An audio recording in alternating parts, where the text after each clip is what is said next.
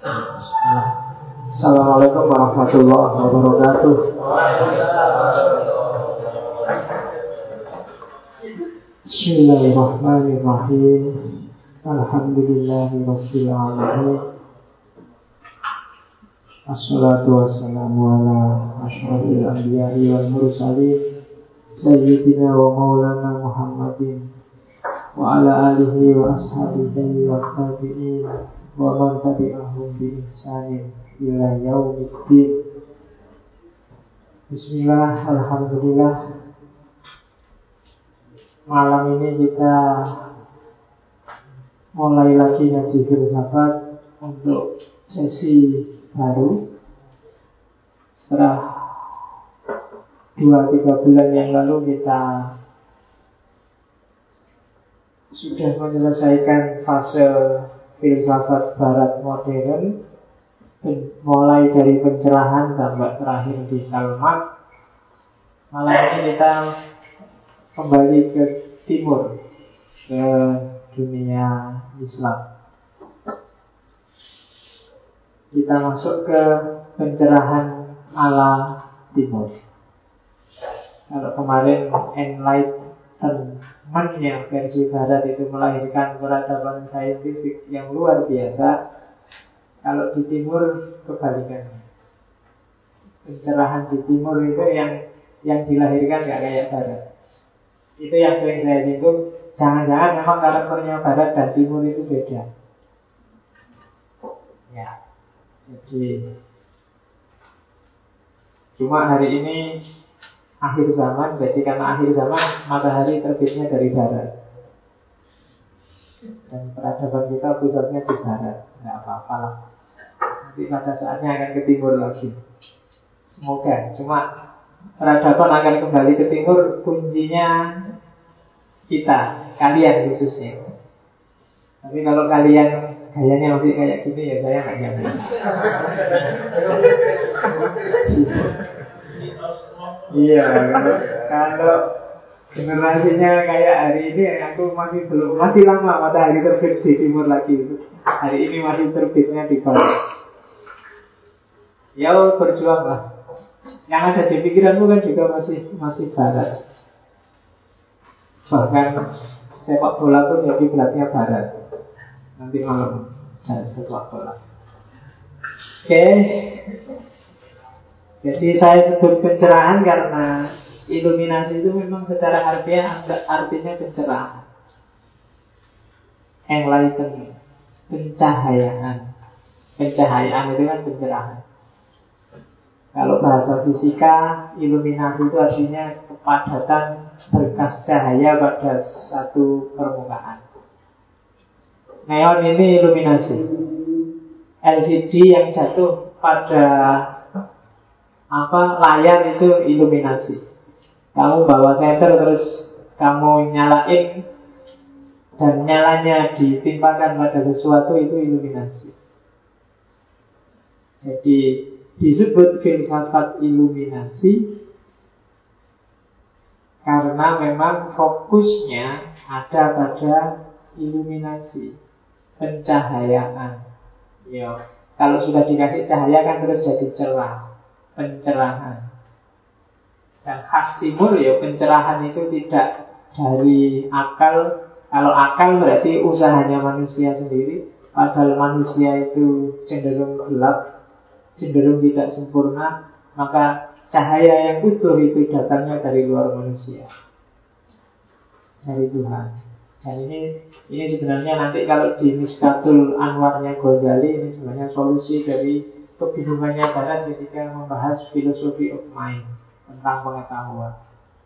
Nanti kapan-kapan tak jelasin itu, tapi yang jelas pencerahan Kenapa disebut filsafat iluminasi? Karena cara berpikirnya bahwa manusia itu akan ketemu hakikat dirinya, hakikat hidupnya, termasuk segala jenis pengetahuan itu yang lebih sempurna adalah yang dicerahkan langsung oleh Tuhan dalam diri manusia.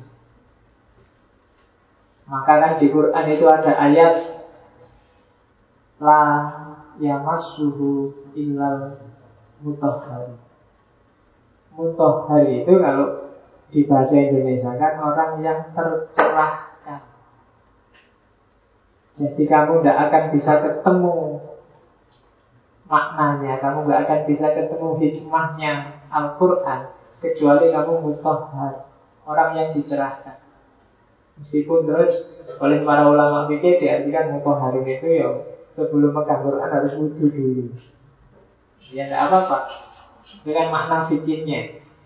Tapi makna filosofinya Laya maslu ilal mutahharun itu bukan mutahhirun loh ya Kalau mutahhirun orang yang bersuci Kalau mutahharun itu orang yang Iya, disucikan Maksudnya disucikan orang yang mendapat pencerahan Dicerahkan Jadi mutahhar Jadi Makanya besok kalau ngasih nama anak Daripada dikasih nama mutahhir Mending kamu ngasih nama mutahhar kalau mutohir itu upayanya sendiri. Kalau upayanya sendiri ya bisa nyampe, bisa enggak. Tapi kalau mutohir itu ada agen lain yang ikut membantu dia tercerahkan. Oke, jadi itu dari sisi akar katanya. Kenapa sih kok filsafat Islam paruh kedua ini disebut tradisi iluminasi? Ya karena memang gayanya gaya iluminasi. Bedanya apa sama yang sebelumnya? Dulu kan sebelum Ramadan kita ngaji filsafat Islam yang very patetik yang dimulai dari Al-Kindi saya lupa dulu banyak sampai Ghazali segala itu kan itu fase pertama fase filsafat masyaiyah hari ini kita iluminasi filsafat isrofiyah Masai dulu tak jelasin disebut filsafat masai ya masak dari kata-kata bahasa Arab. Artinya jalan-jalan. Jadi Kenapa disebut filsafat yang jalan-jalan? Karena Inspirasinya dari Yunani Dan para filosof besar Yunani itu kalau mendidik murid-muridnya nggak pernah di kelas kayak gini, nggak pernah duduk seperti ini. Tapi di kebun. Nah kalau sekarang ya kamu keluar kita di lapangan poli apa lapangan basket itu nah terus kalian yang duduk tapi ustadznya berdiri jalan-jalan jadi muter-muter sambil cerita mau sambil muter-muter gitu kan. Jadi kamu mengikuti gurunya yang jalan-jalan sambil noleh sana noleh sini berarti. Nah itu maka disebut masa iya. Filsafat yang jalan-jalan. Jadi kalau kalian ada yang sukanya jalan-jalan, berarti kalian punya bakat untuk jadi filosof masya Ya, Dirinya yang suka jalan-jalan itu gampang. Kamu buka Facebooknya nanti mesti banyak OTW, OTW. Nah, iya, itu mesti wah itu filosof masai selalu OTW. Dari kos-kosan ke kampus saja, OTW ke kampus. Nyampe kampus OTW lagi, OTW ke kelas. Iya, kurang kawinan. Oke. Kalau isroki, ya isroki itu pencerahan juga. Arabnya iluminasi. Iluminasi itu bahasa Latin sebenarnya. Tapi terus jadi Inggris. Maknanya sama. Isroki, iluminasi, Dari sisi filosofi yang diwarisi, kalau peripatetik itu lebih banyak mewarisi Aristoteles. Cara berpikirnya cenderung rasional, pakai logika. Maka disebut burhan, burhani. Sementara kalau iluminasi itu kiblatnya Plato. Agak idealis. Kalau Aristoteles itu agak realis.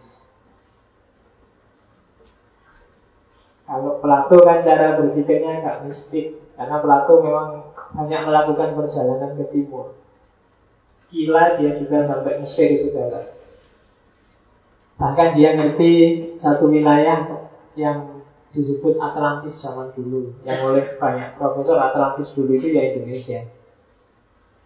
Yang oleh Atlantis itu menjelajah hampir ke seluruh dunia Dan kalahnya hanya melawan Athena Cuma Athena sebelum itu sahabat Athena kuno.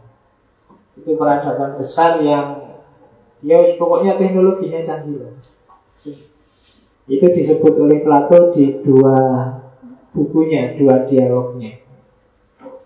Oke, itu yang diwarisi oleh tradisi iluminasi. Maka orientasinya memang berbeda dengan peripatetik. Kalau peripatetik mengandalkan Burhan, kalau iluminatif mengandalkan irfan. Ada yang namanya Burhan dan Irfan nggak di sini? Ada. Kalau Burhan itu rajanya ada di kepala. Kalau Irfan rajanya ada di batin. Bedanya di situ. Jadi kalau mobil ya setir atas sama setir tengah. Kalau setir atas itu filosof Burhan. Kalau setir tengah itu filosof Irfan. Kalau setir bawah itu iya, setir bukan selalu setir bawah. Jadi yang mikir itu bukan kepala atau hati, tapi bawahnya hati. Kalau nggak perut ya bawahnya perut dikit. Yang jadi modus kan itu. Kalau yang perut itu kalian yang ditarik kan logikanya emak kemarin. Sementara yang bawahnya perut dikit itu yang dipakai logikanya Freud. Itu khas. Heran. Tapi ya nggak apa-apa. Sebenarnya itu itu memang harus utuh. Kalau kepala sama hati itu ya anyep. Anyep itu? Anyep itu nggak ada rasanya.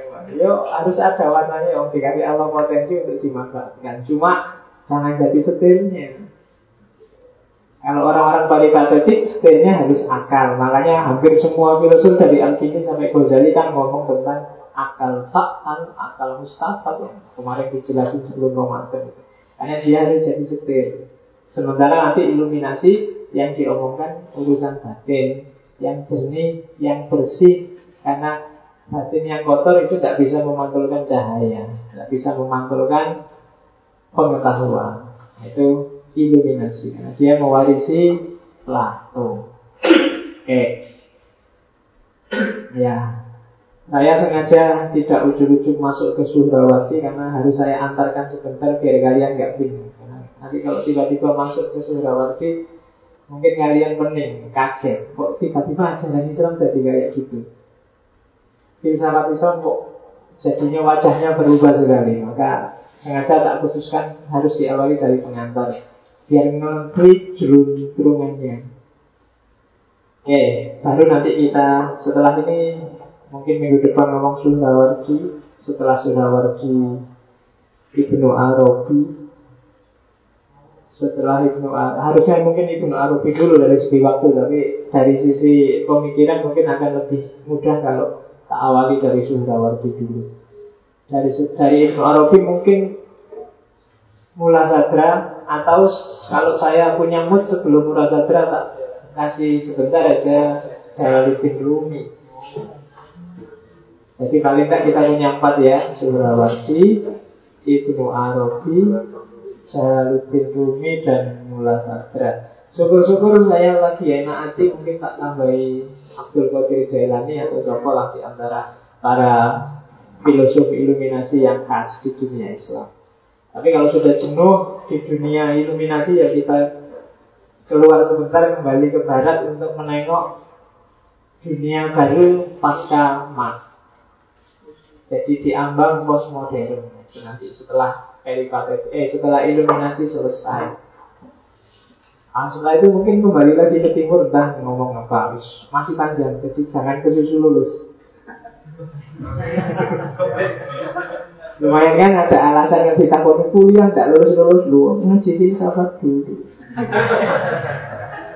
Belum tugas jangan lulus dengan alasan yang lulus lulus oke.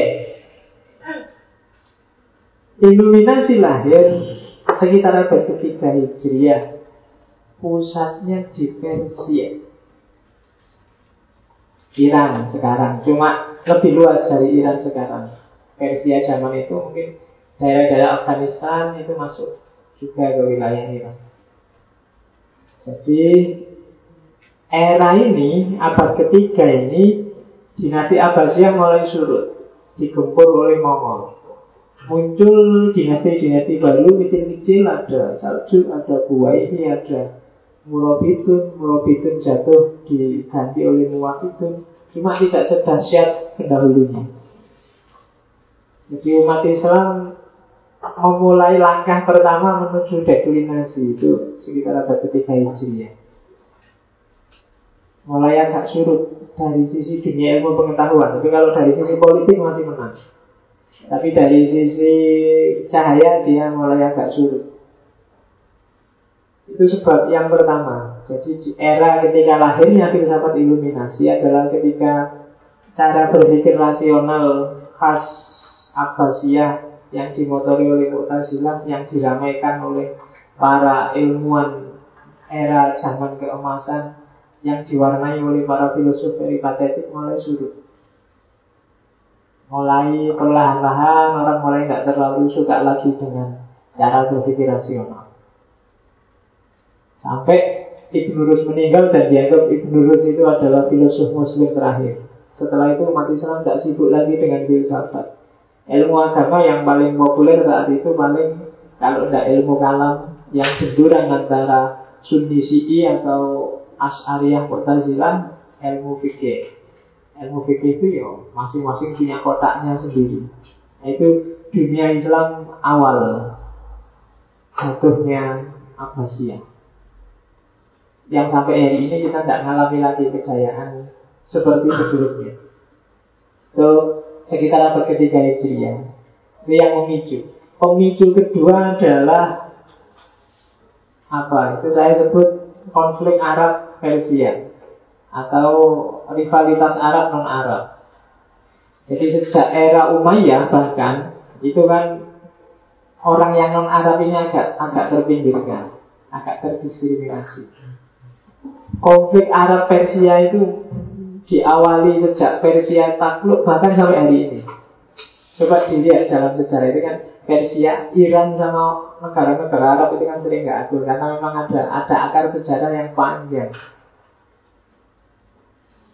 Persia takluk itu kan zaman Umar. Dan Persia sebelumnya adalah peradaban besar selain Romawi. Kan kalau yang belajar sejarah kan Arab zaman itu Jazirah Arab Hijaz itu kan diapit oleh dua kekuatan besar Persia dan Romawi Dan perangnya Persia Romawi itu jangan salah 20 abad lebih Perang terus, gantian. Makanya Quran sampai ada ayat yang khusus meramalkan Sebentar lagi Romawi kalah Tapi setelah Romawi kalah dia akan menang dan seterusnya. Karena memang dua peradaban besar saat itu Peradaban Barat diwakili Romawi Peradaban Timur diwakili Persia. Jadi Persia memang punya punya DNA, punya gen peradaban besar. Zaman itu. Nah, cuma di era Umar bin Khattab kan Persia jatuh, kalah oleh Islam. Ya meskipun terus banyak yang masuk Islam, tapi diakui atau tidak pasti banyak juga yang mantul sama Islam, khususnya Arab. Apalagi terus politik zaman itu, apalagi era Umayyah ini kan orang-orang yang non Arab itu dianggap warga kelas 2 ada sentimen Arab non Arab nah, itu kan sehingga sehingga ketika Islam masuk ke Jawa misalnya nggak cuma Persia itu kan ada sentimen itu. Itu yang bikin penduduk lokal yang agak tidak suka sama Islam terus nulis kitab aneh-aneh kan nulis batu lucu lah nulis darmo gadul lah itu kan sebenarnya dalam rangka komplain itu. Menjelaskan gimana orang yang pakai jubah, pakai serban, jenggot itu, wow, itu harus ditafsirnya aneh-aneh saru-saru itu kan sama orang Jawa zaman dulu. Itu sebenarnya karena ada sentimen itu. Persia juga merasakan itu dan jangan salah bahkan Umar bin Khattab aja kan tewasnya oleh orang Persia yang namanya Abu Lu'lu'ah. Luar Persia. Perang terakhir yang bisa kalian lihat antara Arab dan Persia kan ada itu. Perang Irak-Iran. Itu kan kalau kamu Coba dibaca lagi Kenapa sih kok ada perang Irak-Iran Itu sebenarnya sejarah panjang Persaingan persatuan antara Arab dan Persia. Hari ini kan masih terasa sekali. Coba baca misalnya debat antara Syiah dan Wahabi. Orang sana itu ya Sama Wahabi. Mangkelipol sebaliknya orang Wahabi juga gitu. Mangkelipol sama Syiah. Itu kan ada, ada sejarah yang panjang. Nah, ya kalian mungkin apa ya selain ada ngaji filsafat ngaji kejayaan mungkin adalah nanti ngaji sejarah Islam biar wawasannya tambah lengkap. Jadi carilah dosen-dosen yang ngerti sejarah ngerti politik Islam baik kuno maupun hari ini itu mungkin ilmu akan semakin lengkap. Saya nggak bisa jelasin panjang. Kalau tak jelasin panjang nanti filsafatnya hilang. Iya jadi ngaji sejarah. Yang paling dikenal kelompok mawali. Kelompok mawali itu ya dari kata-kata maula sih. Mawali itu kan orang mu'alaf non Arab. Biasanya terus dijadikan pelayannya orang-orang Arab. Secanggih-canggihnya mawali itu tetap dia harus jadi budak, dia harus jadi staf, dia harus jadi pegawai. Padahal mereka orang-orang mungkin jauh lebih pintar, jauh lebih canggih daripada tuannya.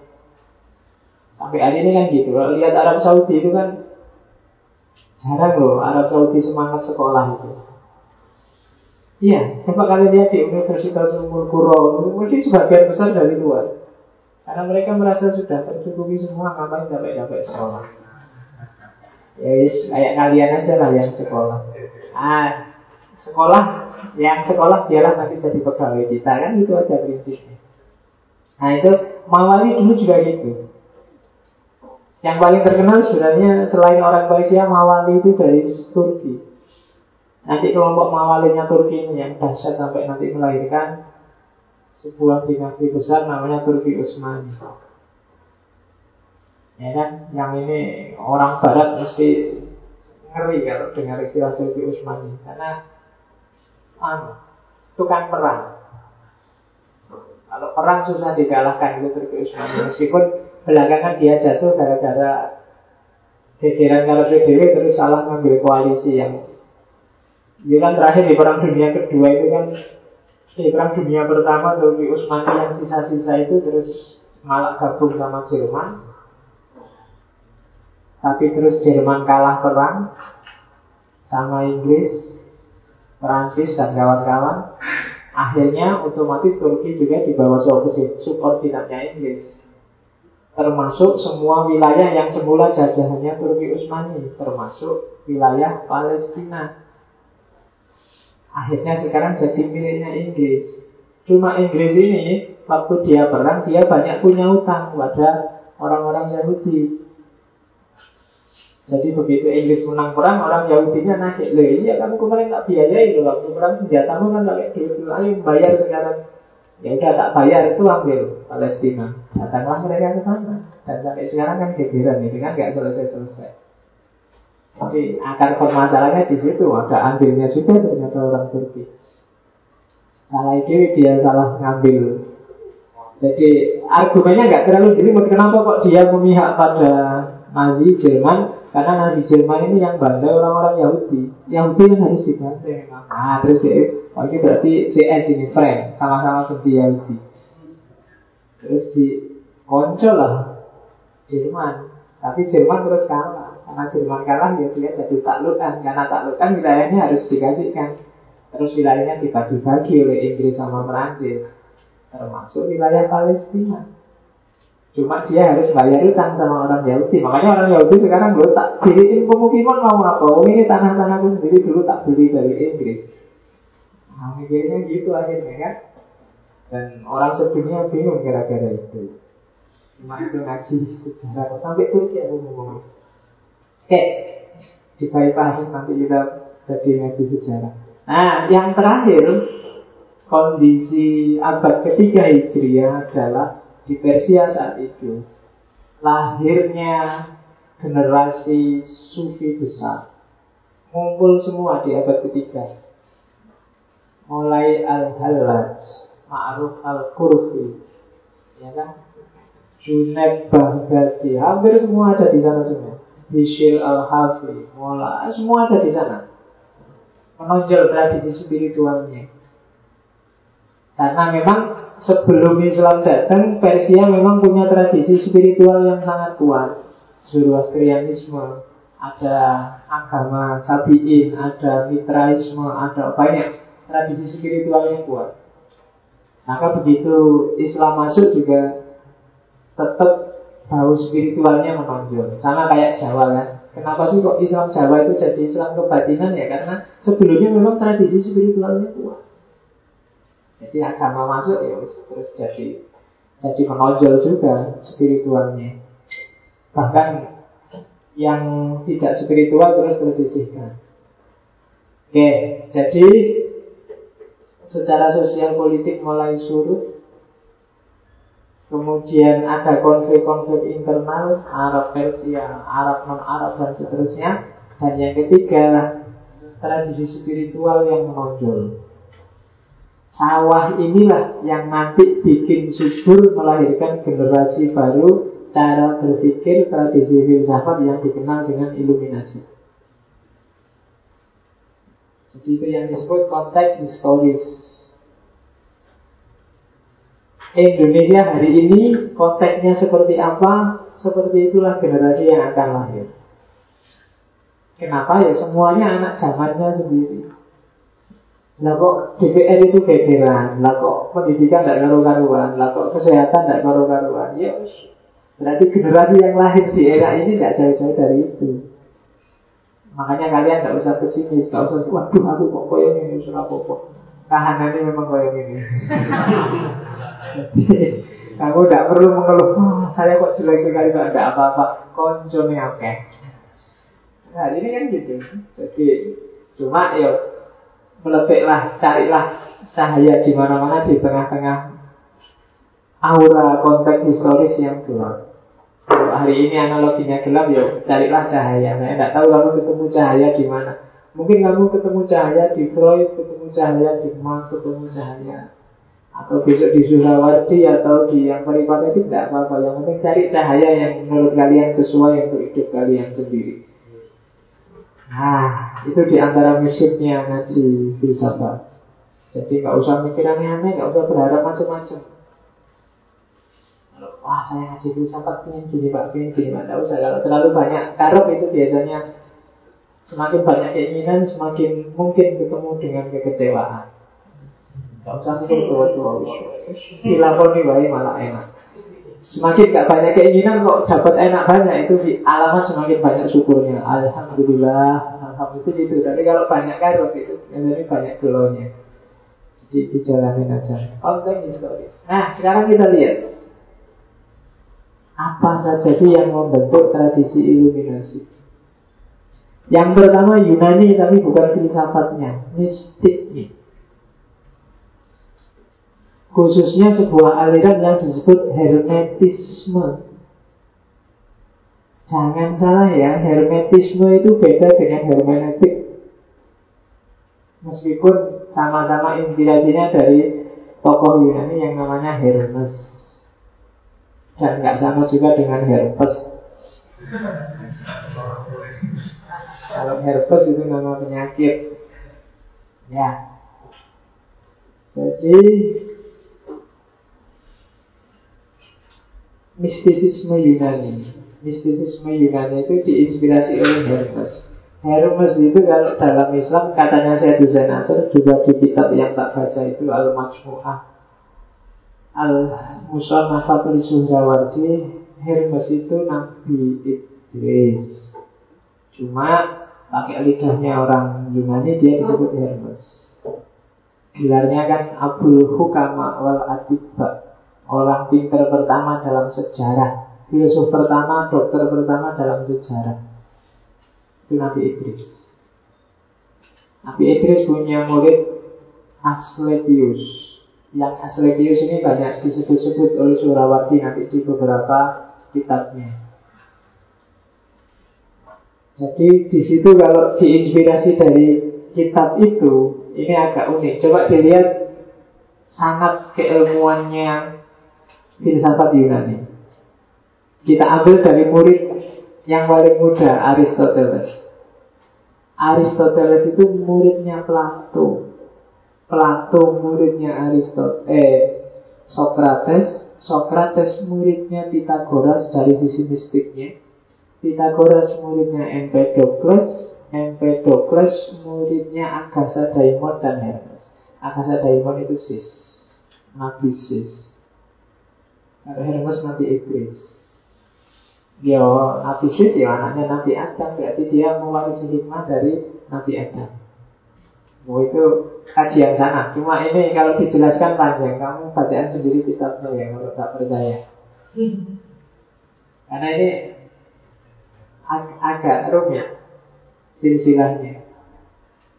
Nanti kamu akan kaget kalau baca beberapa nama ternyata lo orang itu tuh yang dimaksud. Kalau di Islam namanya bukan. Nanti akan jadi seperti itu. Gimana transmisi keilmuan itu nanti kalau ditarik cabangnya Pitagoras dapat dari mana? Antara India dapat dari Mesir dan India. Mesir dan India itu nanti siapa sih yang dia temui dan seterusnya nanti akan akan banyak fakta baru. Yang paling terkenal banyak disebut kitab-kitab Pitagoras itu orangnya suka menjelajah ke mana-mana dan di antara temannya Pitagoras itu Solomon, Nabi Sulaiman. Nabi Sulaiman kan ngerti khazanah langit bumi karena dia ngerti segala bahasa. Aneh. Jadi ternyata Yunani, Mesir, India, Persia itu nanti ada linknya sendiri. Cuma ya kapan-kapan ya kalau imannya sudah kuat kamu. Jadi ya gini-gini biar nggak kaget. Karena ini nanti berhubungan dengan hampir semua tradisi spiritual, hampir semua agama-agama.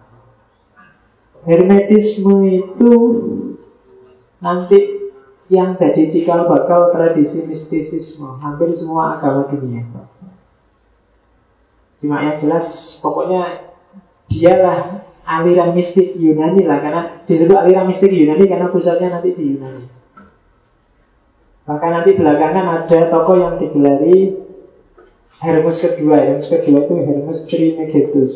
Trimegistus artinya Hermes yang punya tiga mahkota, punya tiga kebesaran. Karena dia punya tiga teori besar. Menguasai tiga cabang ilmu utama. Saya lupa, astrologi, astronomi, satunya lagi saya lupa. Tapi itu Hermes kedua, bukan Hermes pertama. Saya Hussein Nasir juga menjelaskan hal yang sama. Nah, itu jadi itu khazanah spiritual.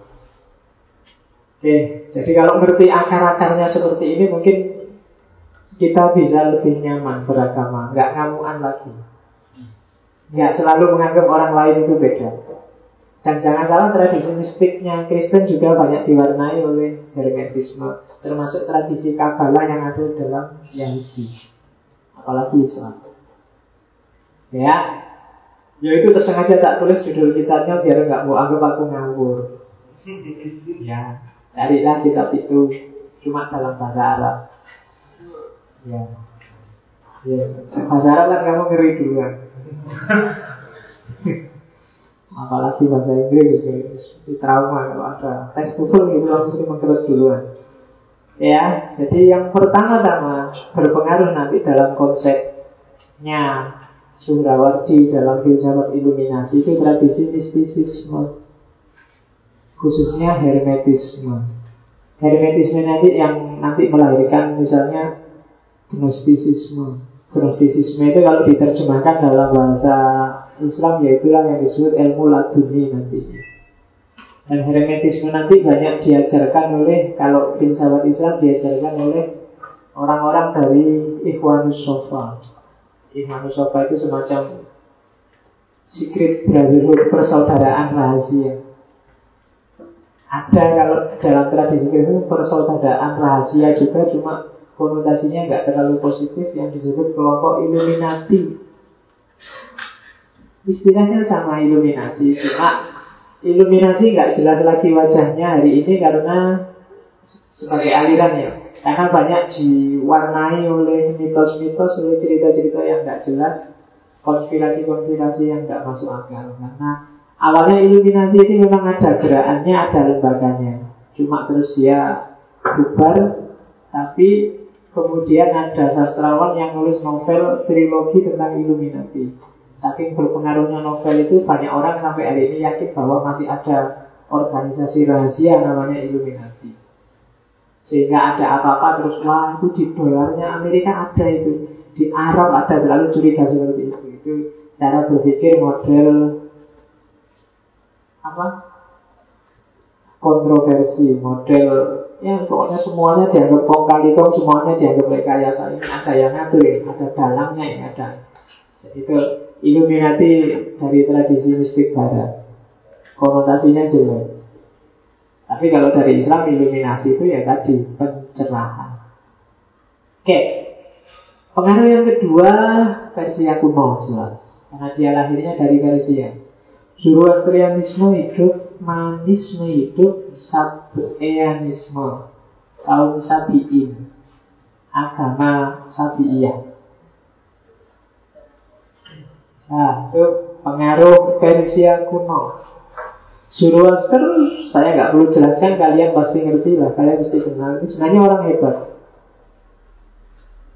Bahkan filosof besar Barat modern Friedrich Nietzsche aja kan terpesona oleh Zoroaster Karena pikiran-pikirannya luar biasa.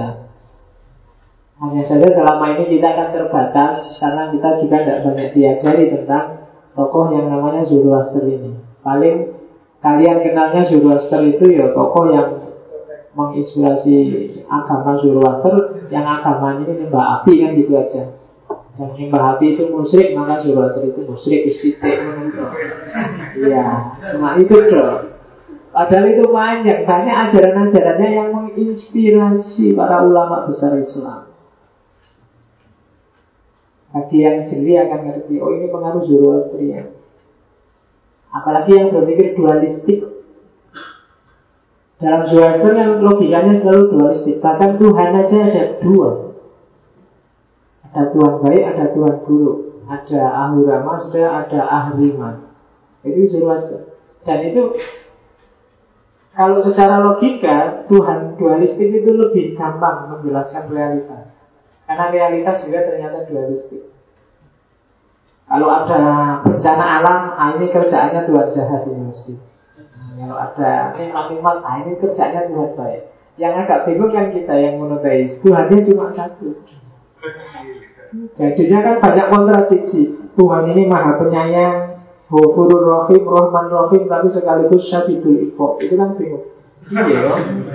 Kejum Syadidul Iqob, tapi sekaligus Ghafurur Rahim. Gimana ya? Tapi kalau dualisme gampang, Tuhannya dua gampang. Loh, yang Syadidul Iqob ini Tuhan yang jahat, Tuhan ahliman, Tuhan baik. Tapi kalau yang Rahman Rahim ini Tuhan Ahura Masda, Tuhan yang baik. Lebih simpel. Kalau kalian mikirnya hidup ini ada dua sisi, ada sisi lahir, ada sisi batin. Itu pengaruh Zoroastrian sebenarnya. Para sufi kan asumsi awalnya itu kan.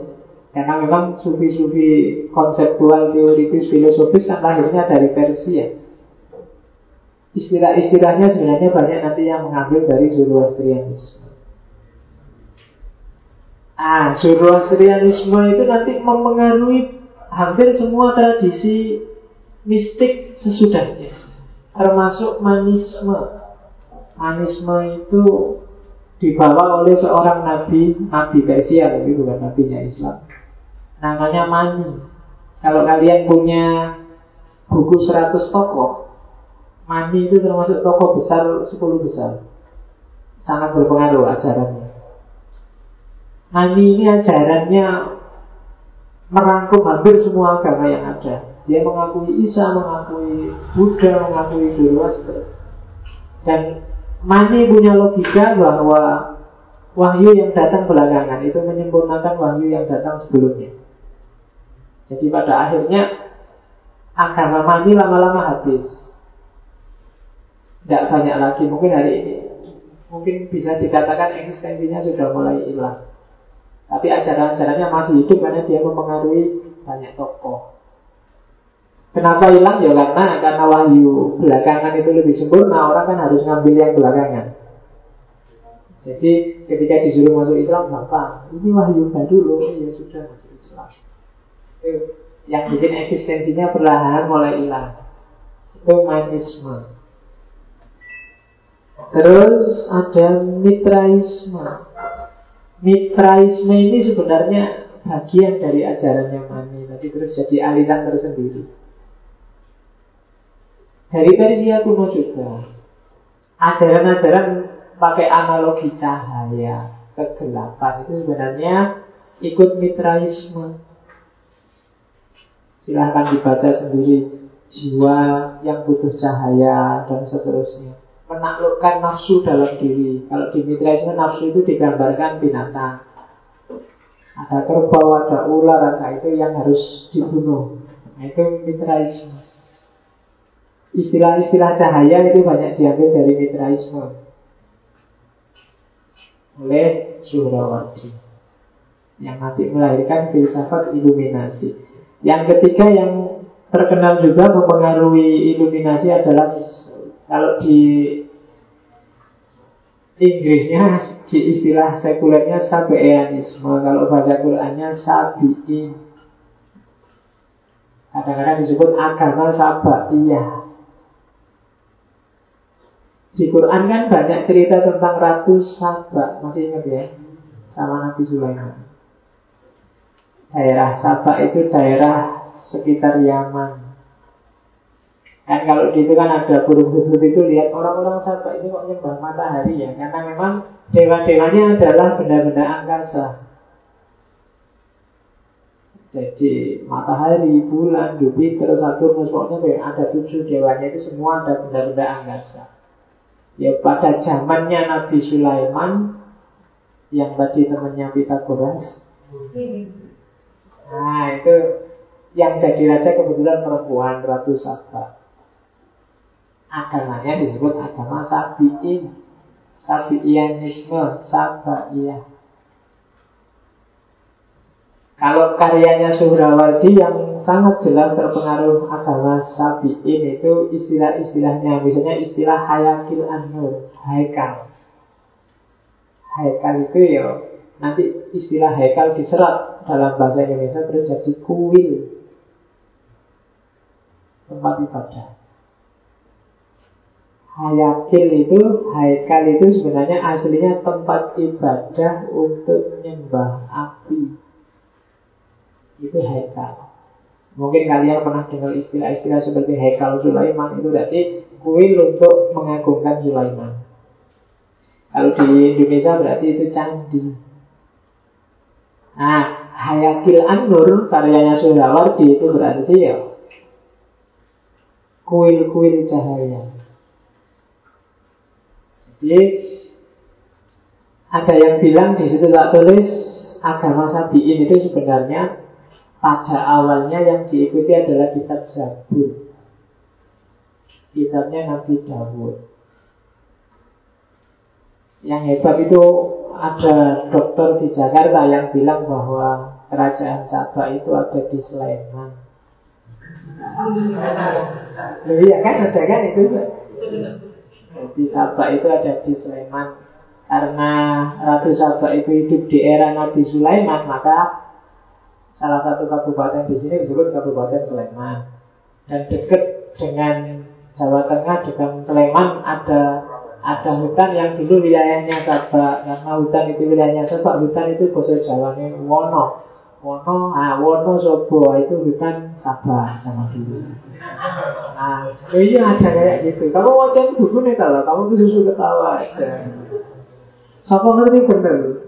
Ternyata Nabi Sulaiman itu ada di Sini dulu. Iya, jangan-jangan Nabi Sulaiman ada di sini. Berarti dulu kita goreng itu jalan-jalan sampai Pulau Jawa. Ketemulah dia dengan Nabi Sulaiman. Dan Ratu Sabak itu kerajaannya ada di daerah Candi Bogor situ. Makanya di situ kan ada kayak candi-candi yang hilang itu dulu sama jinnya, bukan sama jin yang singgah sana yang di sana itu tiba-tiba dipindah sampai di Borobudur itu.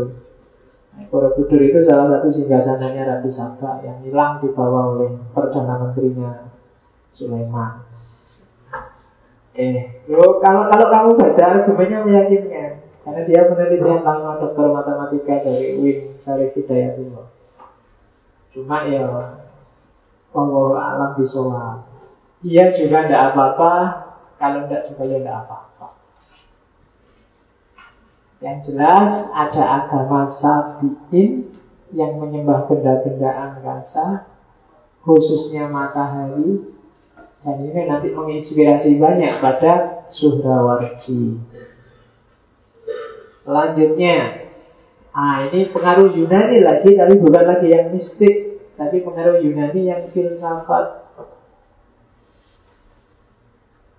Ada dua yang jelas, yang pertama idealisme Plato, yang kedua neoplatonisme Plato baru. Tokohnya adalah Plotinus. Saya nggak perlu jelaskan ya, sudah banyak ngomong. Yang jelas, tiga ide utamanya Plato itu nanti yang mewarnai filsafat iluminasi. Yang pertama, dunia ide.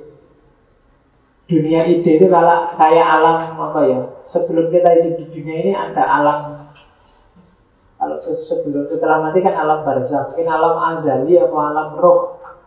Itulah dunia ide. Segalanya dalam bentuk sempurna kita temui di dunia ide. Itu Plato. Makanya pengetahuan itu bukan belajar mencari tahu, tapi mengingat-ingat. Dulu di dunia ide kayak gimana ya? Jadi akal itu sebenarnya cuma ingat-ingat. Jiwa itu juga ada di dunia ide sebelumnya dan ini sangat berpengaruh. Ya, Terus Neoplatonisme Plotinus Emanasi yang jungkir balik kamu susah memahami kemarin di peripatetik itu sebenarnya warisannya Plotinus. Jadi emanasi itu ya kalau di Plotinus ada tiga satu dua tiga empat empat tahap utama emanasi. Kalau di Farabi dan Ibnu kan bisa sampai sepuluh dan bahkan lebih tidak terbatas sampai jadi emanasi itu diawali dari tuan tuan itu kalau bahasa Helenismenya Tuhan. Tuhan ini nanti mungkin yang diserap oleh bahasa Melayu jadi Tuhan. Kan kalau kalian nyari akar katanya ini dari mana so tiba-tiba kata-kata Tuhan itu? Mungkin ada hubungannya dengan teorinya Plotinus. Berarti nenek moyang kita dulu sudah belajar neoplatonisme. Sampai ketemu kata-kata Tuhan untuk menyebut Tuhan. Cuma itu mungkin kata serapan baru aja. Bahkan bisa jadi dari Persia karena Islam awal yang masuk ke Indonesia itu kan tokoh-tokoh Persia sebenarnya. Meskipun transit dulu di daerah Kamboja, Vietnam yang disebut Cempa. Oke. Dari Tuhan melimpah jadi dunia idea kayak di Plato namanya nous. Dari nous terus masuk ke dunia jiwa-jiwa soul individu, jiwaku, jiwamu, jiwanya binatang, jiwanya tumbuhan itu turunnya dari nous. Nous ini nanti yang oleh para para sufi besar disebut hakikat Muhammadiyah atau kalau di Ibnu Arabi disebut Nur Muhammad. Itulah nos Limpahan pertama dari Tuhan Dari nos itulah nanti turun jiwa-jiwa. Dan dari jiwa-jiwa itu nanti melimpah jadilah materi-materi.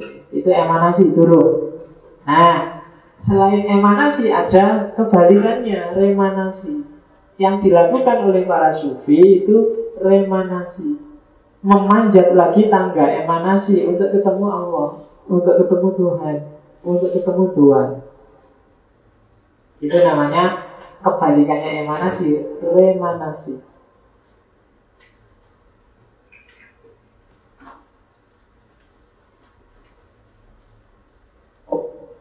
Remanasi kalau di itu caranya cuma tiga. Yang pertama berbuat baik kebajikan umum, yang kedua berfilsafat, dan yang ketiga bertasawuf. Jadi kalau kalian nggak bisa melakukan tiga itu, kalian nggak bisa menaiki tangga emanasi. Berbuat baik kebajikan umum itu berarti yang pertama belajar tentang kebaikan, yang kedua mempraktekkan kebaikan. Mempraktekkan kebaikan itu kalau teorinya Plotinus berani, berani itu berarti aktif, tapi juga mengendalikan diri. Mengendalikan diri itu berarti tahu batas, dan yang ketiga adil. Kalau kalian menemukan komposisi yang tepat untuk hidupmu dari tiga hal ini, insya Allah hidupmu sukses. Pinter, asah terus pengetahuan karena ini bekal yang paling berharga. Terus jangan males, berani. Aktif. Sebenarnya mungkin kalian sudah isi kepalamu itu sudah penuh. Teori macam-macam ada semua di sini. Cuma males. Tidak ngerti yang ada di kepalamu ini mau dipakai apa. Kelemahan kita. Males. Cirinya orang Indonesia. Ya. Kalau bisa santai, kenapa serius? Kan itu kita. Ya kan? Selama ini kan kita selalu begitu. Allah kalau bisa nyantai, kenapa sih kemurungsung kan gitu? Padahal kebajikan umum kata berani harus aktif dong. Nah, kita manjatnya gimana kalau nggak aktif? Cuma aktifnya jangan kebablasan, harus tahu batas mengendalikan diri. Kita butuh uang, kita butuh harta, harus dikejar, tapi tahu batas kapan harus berhenti, kapan batas-batas mana saja yang jangan ditabrak. Kamu suka sama lawan jenismu, terus kamu kejar, tidak apa-apa, tapi harus tahu batas. Kapan harus berhenti, kalau sudah ditolak ya berhenti sama dia. Nanti jadi tawuran, kan gitu ngerti batas. Makan itu enak, minum itu enak, tapi harus tahu batas. Nah, itu dan yang ketiga adil. Adil itu porsional dan proporsional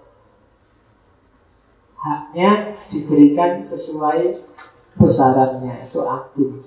Kalau kalian bisa adil, tahu batas, aktif dan selalu menambah wawasan, menambah pengetahuan, otomatis yang kalian lakukan itu aktivitas selangkah demi selangkah melakukan remanasi menuju kesejatian, ketemu Tuhan. Oh itu yang yang agak berat itu ya. Cuma ya latihan terus. Carilah titik keseimbangan hidupmu yang tidak kaku dan tidak lembek. Makanya Quran itu kan saya sering bilang Quran itu yang paling tengah kata-kata inti yang biasanya dikasih warna merah ini kan ada faliyatalattaf. Jadi hidupmu akan menemukan keseimbangan dalam latih. Latih itu lentur. Lentur itu tidak gampang patah, tapi juga tidak kaku. Tidak lembek, tapi tidak kaku itu lentur. Sabu itu kan lentur. Kalau kaku, kalian susah adaptasi dalam dinamika zaman. Tapi kalau lembek, kalian akan hancur digilas oleh perubahan. Maka lentur, mudah menyesuaikan. Makanya Quran wanti-wanti kamu benar di tengah-tengahnya dikasih kalian talat. Oke, kebajikan yang kedua berfilsafat. Berfilsafat itu berarti ya mencari hikmah. Ya kan? Kenapa sih kamu ada di sini? Apa tujuanmu? Bekalmu apa saja? Kamu mau ke mana dan untuk apa itu berfilsafat? Berfilsafat berarti serius memikirkan hidupmu. Itu aja intinya. Tidak iseng, tidak santai. Karena waktu kita terbatas. Jangan salah loh ya, kita itu limited edition. Ya, waktu kita terbatas. Setelah kamu nggak ada, nggak akan diproduksi lagi yang kayak kamu. Sudah selesai. Nah, jadi kalau kamu nembak pacarmu kok ditolak terus bilang aja, apa sebenarnya? Jangan nyesel. Aku itu limited edition. ya, kalau aku pergi kamu nggak akan ketemu yang kayak aku lagi. Aku enggak tanggung jawab kalau kamu kangen padaku ya. Eh, lo ya mending GR gitu daripada minder. Kan sama-sama ditolak. Kalau GR kan kamu masih bisa tegar, kalau minder kamu masih Oke. Yang ketiga mistik, jangan tasawuf jalan sufi itu sudah banyak dijelaskan bagaimana sufi itu adalah pendakian untuk bertemu Tuhan. Jadi filsafat Yunani mewarnai. Analoginya Plotinus selalu dia pakai matahari. Jadi penciptaan dari Tuhan terus jadi no jadi itu bukan bukan kok terus kayak tukang sulap tiba-tiba ada. Aku ingin teh ting ada teh, aku ingin susu, ting ada susu, tak gitu. tapi melimpah kayak cahaya matahari. Dan realitas itu seperti pancaran cahayanya matahari. Semakin kamu jauh dari Tuhan, dari Tuhan, semakin kamu gelap. Semakin dekat, kamu semakin terang. Maka remanasi tadi apa? Kamu mendekati cahaya. Karena gelap itu tidak enak. Buktinya kalau listrik mati kan kamu sumpah. Itu sebenarnya agak fitrah bahwa itu tidak enak. Orang selalu nyari terang. Tidak ada orang yang secara sengaja nyari gelap. Nah, iyalah. Kecuali kamu yang sedang mojok. ya kan orang biasanya karena cahaya itu tidak menyenangkan eh gelap itu tidak menyenangkan orang selalu nyari cahaya maka realitas ini kayak matahari pusatnya cahaya ada di tengah yang lain nah, kena pancaran-pancarannya saja oke itu teorinya Plotinus nah tadi ada pengaruh dari mistik Yunani, spiritualitas Persia kuno, kemudian yang ketiga pengaruh dari filsafat Yunani, sekarang pengaruh juga dari tradisi peripatetik. Kalau dari peripatetik yang mempengaruhi dua yang besar, sangat mempengaruhi. Yang pertama Al-Farabi, yang kedua Ibn Sina. Al-Farabi itu unik, tasawuf tapi tasawuf akli filsafat tapi filsafat yang sufistik. Itu Farabi. Kalau Ibnu Sina sebelum Surawardi ngomong tentang al-hikmah al-isyrokiyah dia sudah lebih dulu ngomong tentang al-hikmah al-masyrikiyah jadi Ibnu Sina lebih dulu dan Surawardi sangat banyak berhutang pada Ibnu Sina dari sisi konsep-konsepnya di tasawuf akli. Tasawuf akli itu jadi ada jalan. Kalau kamu Pak, saya tahajud males Pak, saya puasa juga males Pak, saya sholat malam apalagi Pak. Saya tahu malam itu susah sekali Pak, kecuali ada jadwal sepak bola. Tapi kalau sengaja untuk sholat itu berat. Ngaji apalagi Pak. Ah, ada jalan lewat filsafat. Berarti apa? Tafakur Muhasabah Dengan kegiatan berpikir Menemukan hakikat Sampai ketemu puncak yang tadi Namanya pencerahan Caranya gimana kalau di Al-Farabi Dipanjat aja hierarki akal Akal itu kan ada al-akal bil kuah, al-akal bil fi'li, al-akal mustafad Al-akal bil kuah itu akal potensial. Kamu punya potensi besar untuk mikir. Al-akal bil fikri akal yang sudah digunakan. Yang tadi cuma potensi sekarang dipakai. Al-akal mustafat itu level tertinggi akal ketika dia sudah ketemu akal faal. Akal faal itu nanti kalau kamu naik, akal faal yang akan nyambut, yang akan mencahayai. Dari situ kamu akan ketemu cahaya. Akal faal itu nos yang tadi, yang paling dekat dengan Allah. Kalau kamu sudah ketemu cahaya itu, maka levelnya sudah sekarang akal mustafat, akal paling puncak.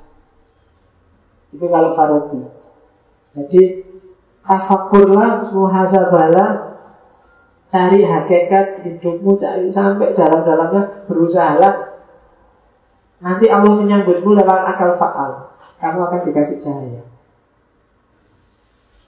Nah, itu tasawuf aklinya Al-Farabi.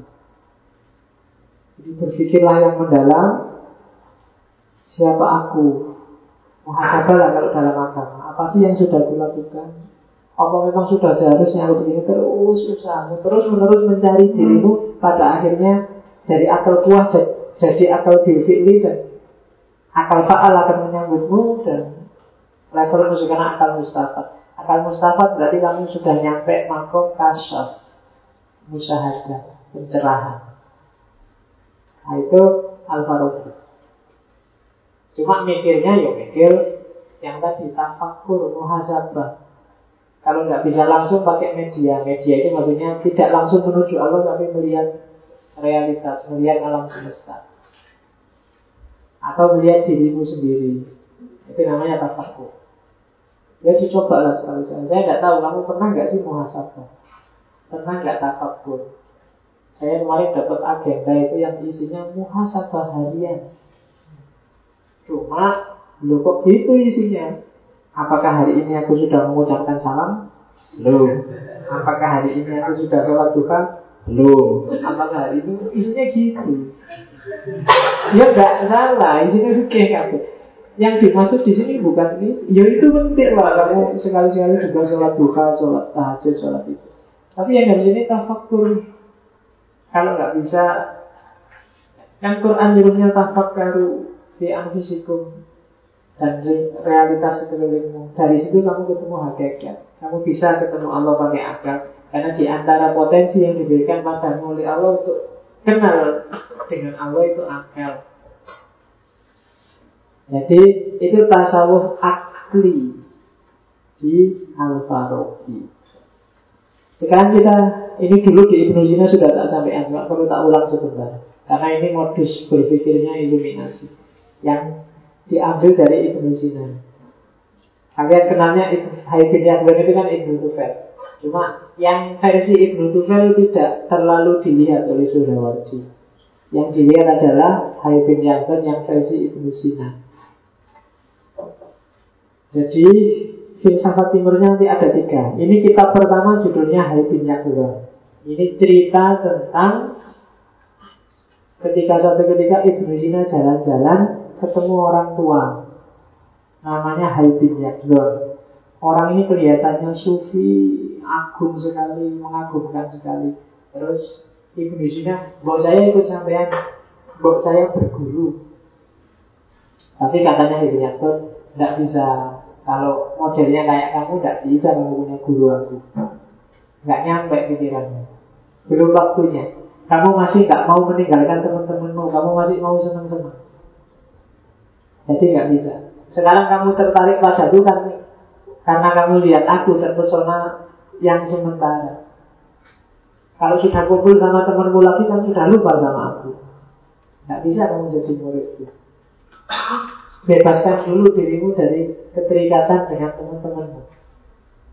Itu kan kitab pertama dari Falsafatul Masyrik Filsafat Timur Ini sebenarnya analogi Ibnu Sina yang ketemu Hai bin itu adalah jiwa yang rasional Hai bin adalah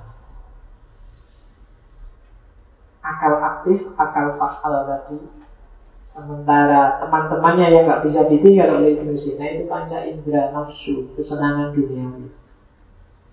Itu modus pertama iluminasi adalah berarti apa? Tinggalkan keduniaan demi yang lebih abadi. Al-Hikmah Al-Masyrikiyah Yang jadi Al-Hikmah Al-Isyrokiyah Punya pesan pertama Kalau kamu pengen meniti jalan untuk remanasi maka realitas bawah yang material yang sementara harus ditinggal. Kalau kamu masih terikat dengan dunia bawah ya tidak bisa manjat ke atas. Selesaikan dulu ketertarikanmu dengan bawah. Bukan kok di, diingkari, selesaikan dulu urusanmu dengan yang bawah. Kalau butuh makan, ya makanlah. Kalau butuh kawin, ya kawinlah. Kalau butuh punya mobil, punya mobil lah. Kalau sudah selesai, baru manjat. Kalau enggak, kamu manjat tapi pikiranmu ada di bawah. Sholatnya sih khusyuk, sholat malam tiap hari. Tapi begitu berdoa, ya Allah, semoga tes TPNS kemarin aku lulus. Doa.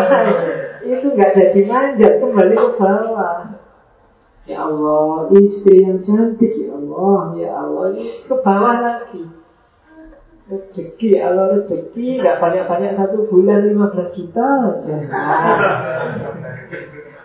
Tiap hari kan ngelirik wong subhanallah bawa tasbih tapi ngapain sampai ngelirik Biar rezeki lancar, biar jodohnya lancar. Itu sama aja nggak mendaki, pikirannya masih di bawah.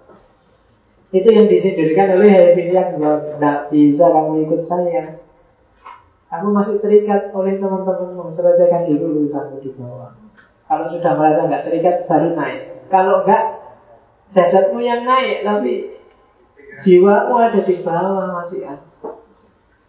Banyak kan yang kayak gitu, pakai serban, pakai jubah, tapi yang pikirannya. Iya. Honor yang banyak.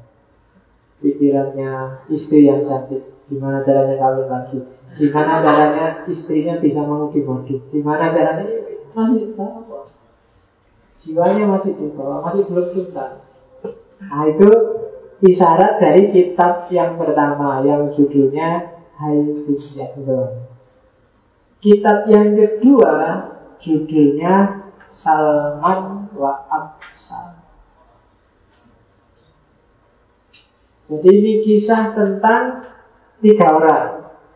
Ada dua bersaudara, kakaknya namanya Salman, adiknya namanya Absal. Salman ini sudah punya istri. Kalau Absal masih bujangan. Sayangnya istrinya Salman Itu agak nakal. Dia suka sama adiknya Absal Jadi Absal ini disenangi sama kakak iparnya Untuk menghindari godaannya kakak ipar Akhirnya Absal pergilah dia ke medan perang Wis aku daftar tentara aja daripada digodani terus nggak kuat aku. Nah, iya. Karena karena aku normal, aku tak mikir kan gitu. Dengan logikanya kan agak kebalik kan. Kadang-kadang dulu saya pernah ada yang nonton video yang gitu-gitu itu kan. Video kok di sini gitu. Terus, ya aku nggak mau lihat ada saya komentar. Nah, kita kan normal, lihat ini kan seneng. Justru karena aku normal itu aku tak minggir. Kalau aku tidak normal sih tak tonton tak kapoi tidak apa-apa. Cuma karena aku normal aku tak minggir bahaya kalau aku nonton terus. ya, jadi mikirnya dibalik kalian kan selalu gitu. Ala pak normal kan pak kita. Ya makanya karena normal itu aku tak minggir. Jadi kalau di luar kok ada mahasiswi cewek cakep-cakep pakai rok mini terus kamu minggir itu jangan malu gak apa minggir aja? Kalau temen bilang ya kamu kan normal. Masa gitu kan enak ya gitu. Justru karena normal itu aku minggir. Kalau aku nggak minggir gawat. Bisa bahaya malah. Kan itu mikir jangan dibalik kalian lagi nongkrong berdua sama teman-temanmu yang lawan jenis lawannya gelap-gelapan ya minggir aja kalau dia Allah kamu normal apa enggak sih? Justru karena normal itu aku minggir.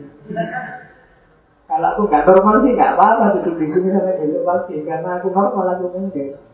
Kalau enggak habis kamu. Oke. Nah, itu yang dilakukan oleh Aksal. Aksal terus berangkat ke medan perang.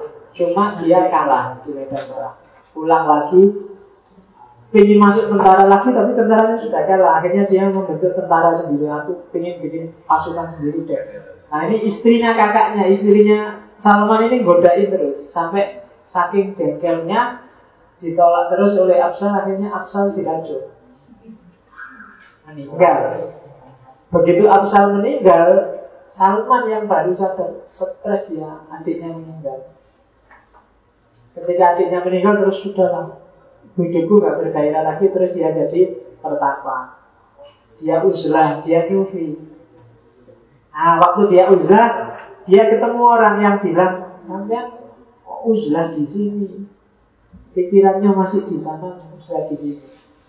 Sampai ngerti gak adegan yang dulu itu yang bunuh istrinya. Nah terus akhirnya Salman balik lagi istrinya dan kaki tangannya dibunuh semua itu cerita, itu gaya novel tapi sebenarnya semuanya simbolik. Salman itu mewakili ruh rasional, ruh sadar, akal kita. Kalau Afsal itu ruh ideal. Ya, ideal-ideal kita yang baik-baik, yang buruk-buruk, eh yang indah-indah, yang bagus-bagus. Idealisme. Sementara istrinya Salman yang perempuan itu melambangkan nafsu. Jadi hidup kita ini pertarungan tiga hal. Akal sadarmu, idealismemu, dan nafsu. Kalau kamu selalu bilang, Pak, saya akan normal, Pak. Realistis saja deh ya. Itu berarti yang jadi supirnya adalah Salman. Salman ini lemah. Dia tidak bisa belain adiknya yang idealis. Sampai adiknya tewas dibunuh oleh nafsu, dia baru sadar. Karena akal biasa, akal sehari-hari, akal sadar itu menghadapi banyak sekali hal ya, jadi dia sering gak waspada. Sementara akal ideal juga sebenarnya dia lemah. Kenapa? Karena dia tidak punya kekuatan menghadapi realitas. Sebenarnya kalau dia mau, Absal itu cukup bilang ke kakaknya, Kak, sampai kan yang punya istri, kok istrinya di kekang, biar nggak godain aku terus kan gitu. Cuma karena akal Salman yang nggak mengangkat istrinya, akhirnya idealismenya mati karena nafsu. Oh itu falsafah Masikiyah jilid kedua. Pertarungan antara idealisme dunia batin dengan akal yang real kehidupan nyata dengan hawa nafsu. Dialektika tiga hal ini kalau kita manajemennya nggak bagus, pada akhirnya kita akan ketemu kegelapan. Kayak Salman yang harus uzlah jadi pertama.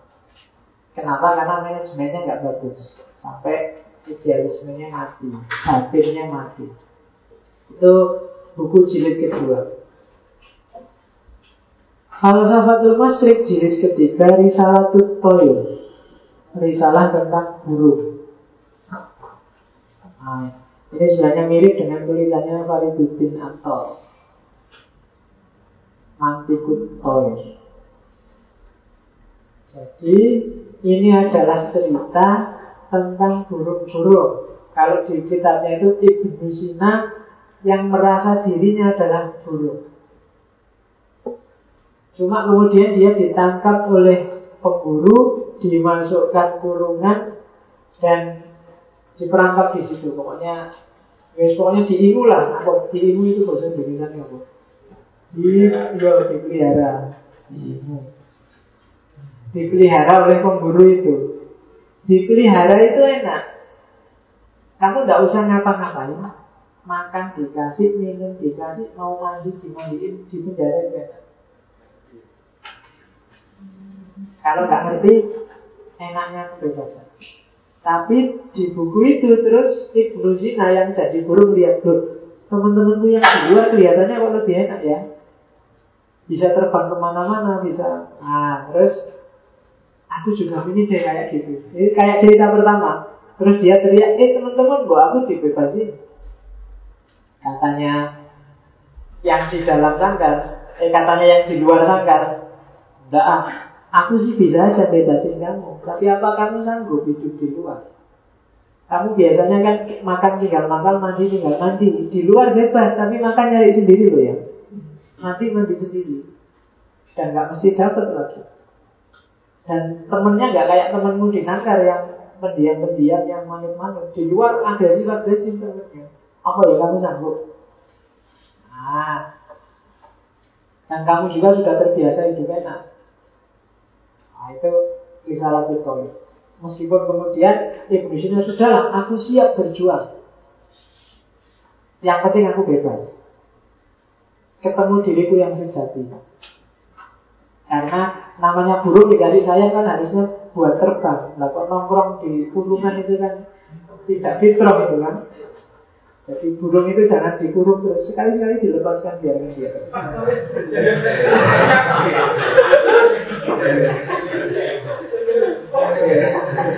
Nah, iyalah, makanya kamu pikiran ini dia kasih Eh, sudah malam kamu mikir kita. Nah, itu analogi bahwa hari ini kamu hidup nyaman, kamu merasa senang kan di dunia ini. Kamu menikmati banyak fasilitas. Tapi ada yang lebih dahsyat dari itu. Bisa kamu temukan jauh lebih nikmat dari itu. Hanya saja perjuangannya panjang. Nikmatnya kamu bersatu dengan Allah, ketemu Allah, audiensi dengan Allah, itu harus ditebus dengan perjuangan panjang untuk tidak tidur malam-malam. Itu kan berat. nikmatnya dapat ridhonya Allah harus ditebus dengan kamu puasa, dengan kamu zikir, dengan kamu menahan diri, dengan kamu banyak berat sekali itu. Karena kita biasanya terlatih kayak buruk dalam sangka, apa-apa sudah tercapai. Hukum sebanyak itu kan kamu pilih yang paling ringan kan biasanya. Puasa, ada puasa Senin Kamis, ada puasa ayam ulfit, ada puasa banyak. Terus kemarin puasa Asyura, ada puasa apa. Terus begitu kamu tanya, masih puasa sunnah? Sunnah? Ada usah jawab sunnah. Ya, ya. Mesti kamu hitung-hitungnya. Sholat tahajud, sholat duha, sholat hajat, sholat tasbih wajib apa sunnah? Sunnah. Allah sudah, kalau apa? Kalau capek, wong sunnah aja. Dan Kenapa? Karena jiwa kita terlanjur manja, kayak burung dalam sangkar. Berat loh katanya yang di luar tadi loh. Boleh sih kamu keluar bebas, tapi berat loh. Gak gampang. Tapi kalau kamu bisa berjuang, kamu akan ketemu nikmat yang lebih dari yang kamu rasakan sekarang. Nah, itu dia salah satu poin. Falsafatul Masrik yang ketiga.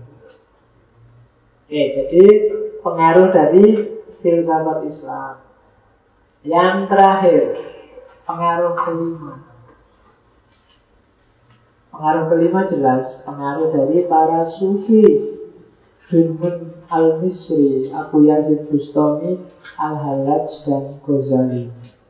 Sebenarnya hampir semua mempengaruhi, tapi empat tokoh ini agak monumental.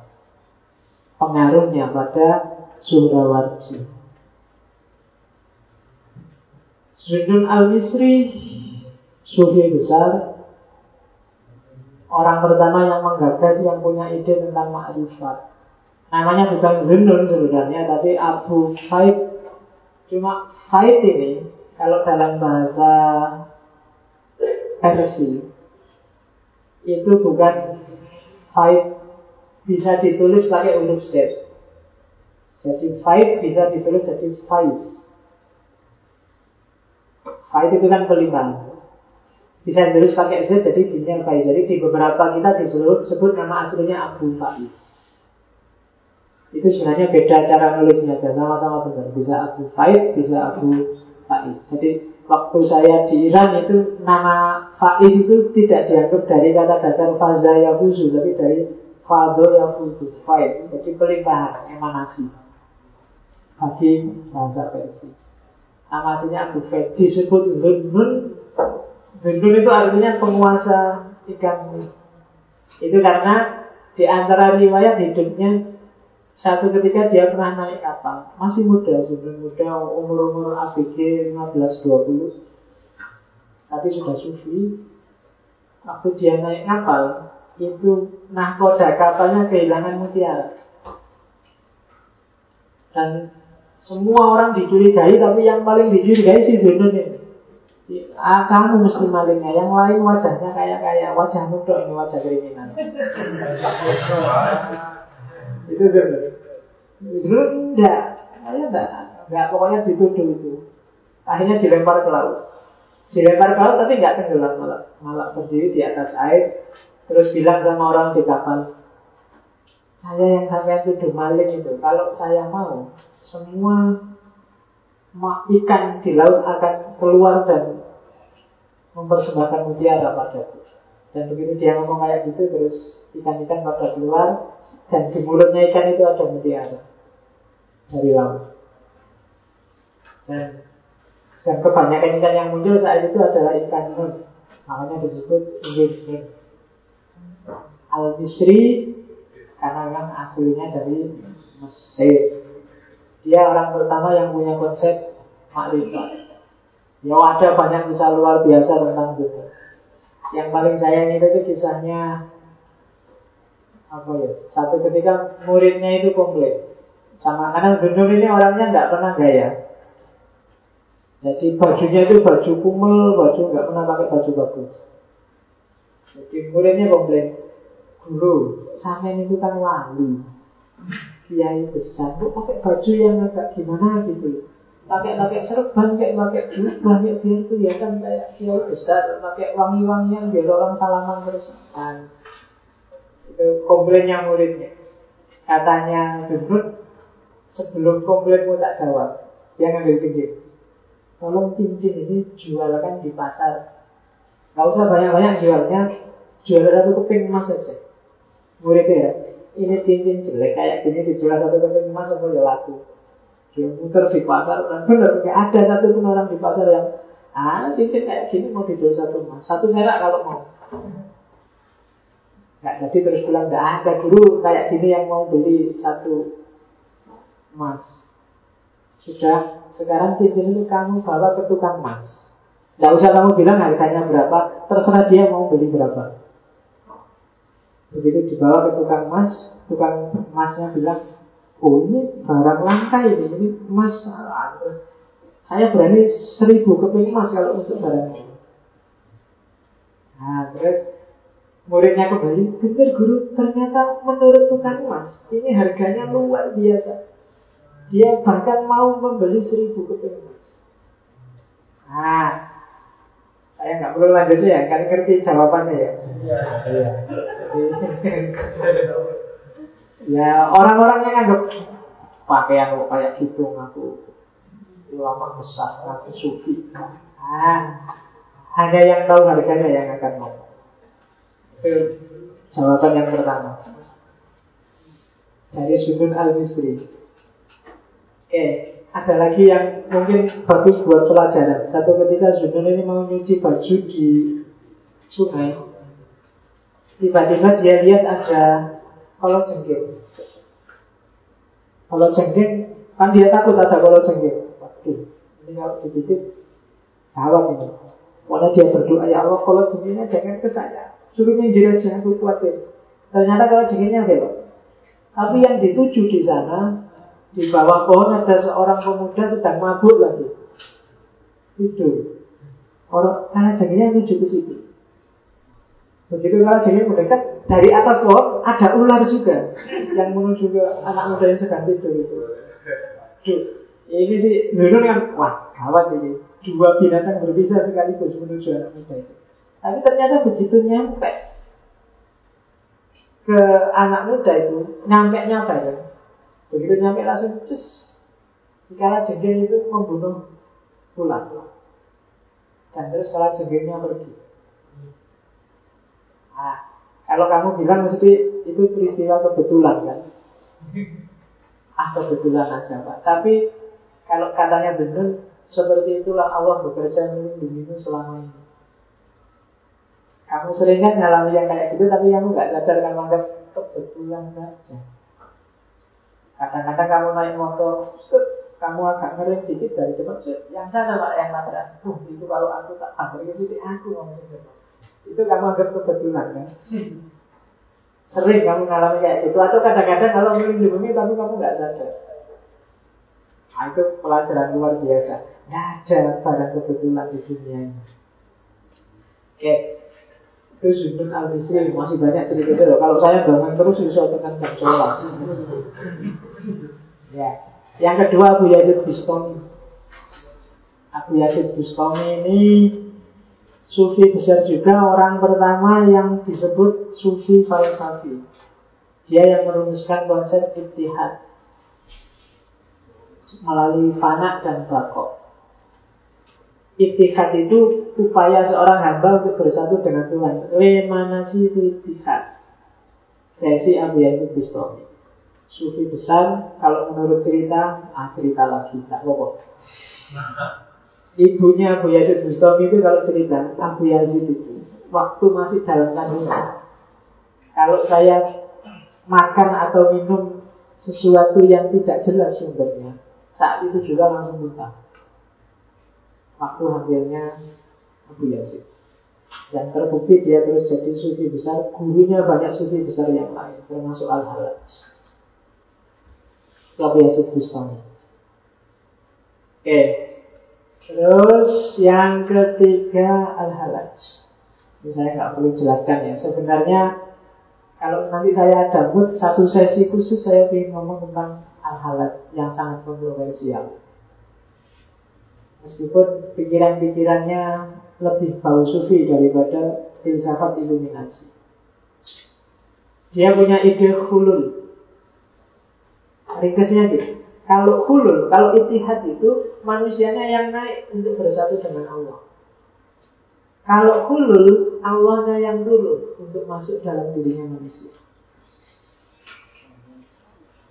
Nah, kalau hulul itu jadi kalau katanya adalah dalam diri manusia ada dimensi ketuhanan, ada dimensi kemanusiaan. Dimensi ketuhanan namanya lahut, dimensi kemanusiaan namanya nasud.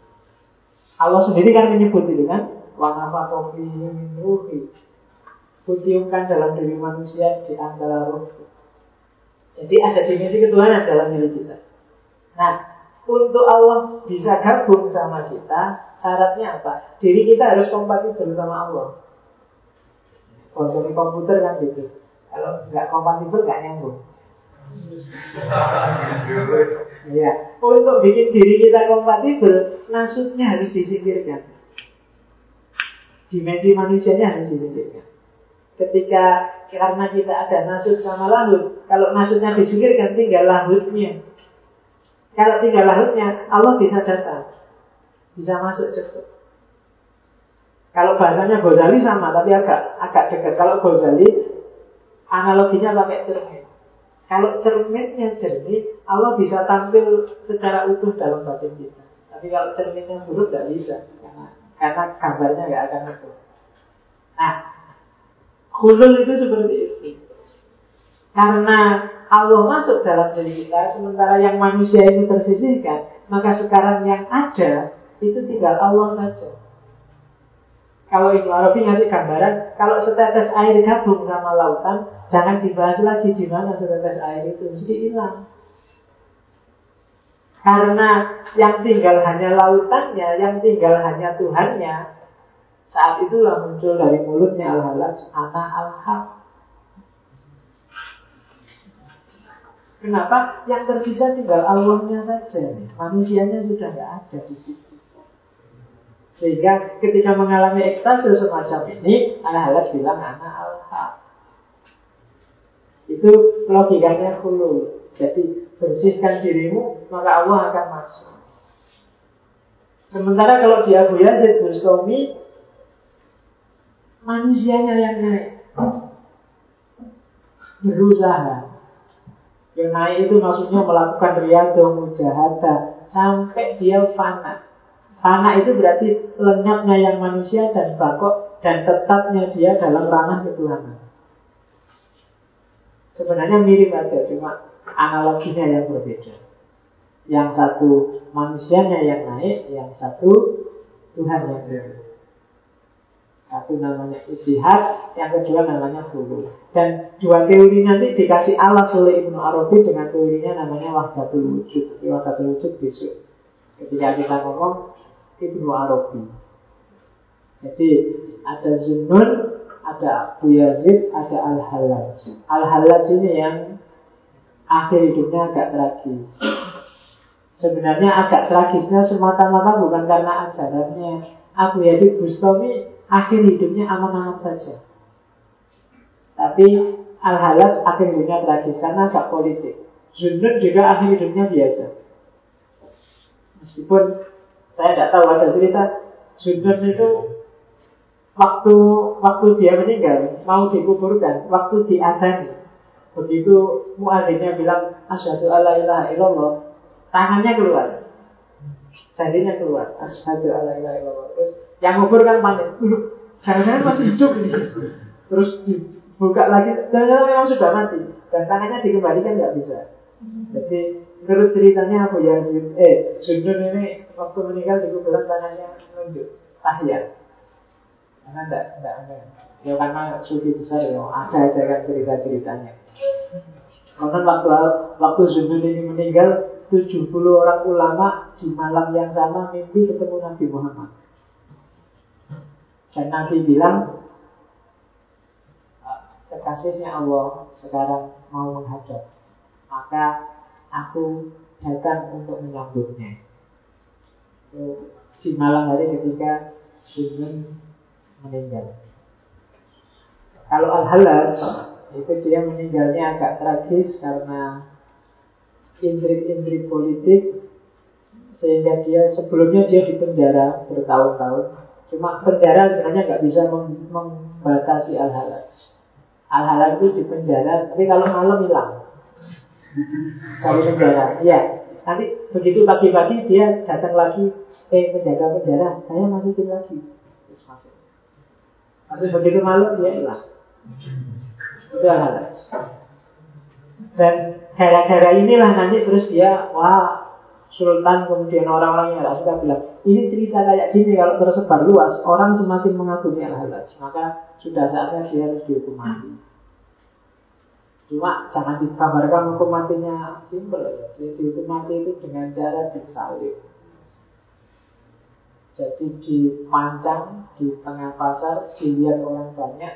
Hari pertama hukumannya adalah dirajam dilempari batu tapi tidak sampai mati. Setelah itu hari kedua hukumannya dimutilasi. Ya, jadi tangan tangannya dipotong sampai lengan, kakinya dipotong.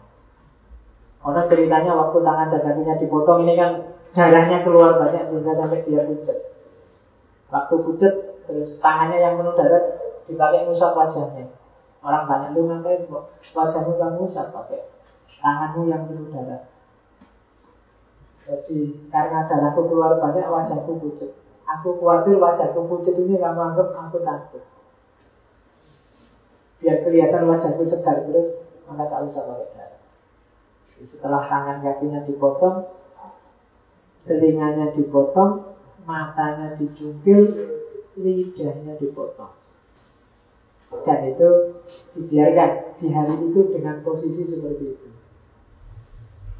Dan hari ketiga saatnya final Jadi sehari semalam dibiarkan tanpa mata, tanpa telinga, tanpa hidung dan darah di mana-mana.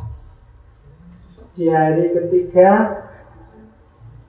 Dia saatnya dipancung Cuma sebelum dipancung Dia minta waktu sebentar untuk sholat dan berdoa. Ya dan doanya yang terkenal itu kan Ya Allah ampunilah mereka semua Kayak doanya Nabi. Karena mereka nggak ngerti yang mereka lakukan itu apa. Jangan sampai orang-orang ini disiksa, kamu murkai hanya gara-gara aku. Itu hal-hal. Setelah itu, kepalanya dipenggal. Tidak sampai di situ, belum berakhir. Setelah kepalanya dipenggal, tubuhnya dibakar. Sampai hangus. Jadi debu. Terus debunya dibuang di sungai Dajlah. Nah, sebelum dihukum ini dia sebenarnya sudah pesan sama muridnya nanti aku akan disiksa mati-matian, dibakar dan abuku dibuang ke sungai Dajlah. Waktu abuku kena sungai, sungai akan marah, airnya akan meluap dan akan terjadi banjir. Untuk mengatasi itu, ambil jubahku yang biasa aku pakai, buang ke sungai. Jadi pesan ke muridnya itu. Dan beneran, waktu abunya dibuang, sungai meluap, terus muridnya datang, jubahnya dilemparkan ke sungai dan sungainya nggak jadi banjir. Itu hal Di Indonesia ada seorang muridnya namanya Syekh Siti Jenadi. Sampai ke sini. Syekh Siti Jenadi asli Persia. Dan nasibnya juga mirip sama saya Siti Eh sama gurunya Karena ajaran yang diajarkan juga mirip Dia juga menghadapi cara berpikir ortodoksi yang mirip juga.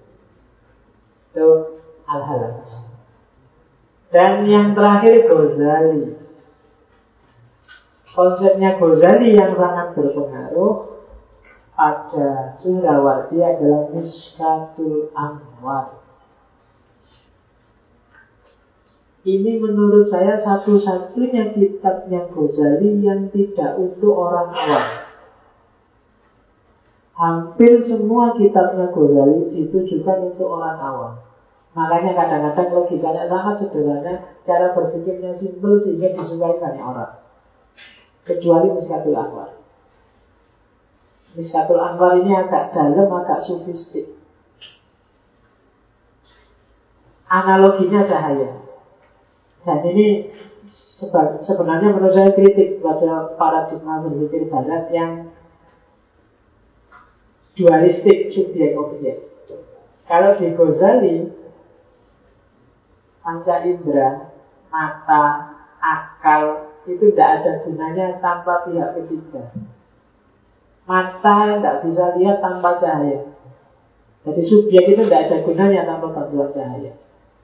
Akal juga begitu akalmu itu bisa berpikir karena ada pantulan cahaya kalau sufi tadi akal Allah, akal mustafat lah Atau kalau nggak mengaku itu pancaran cahaya dari Allah Tanpa ada pancaran cahaya itu Kamu punya otak tapi tidak akan bisa mikir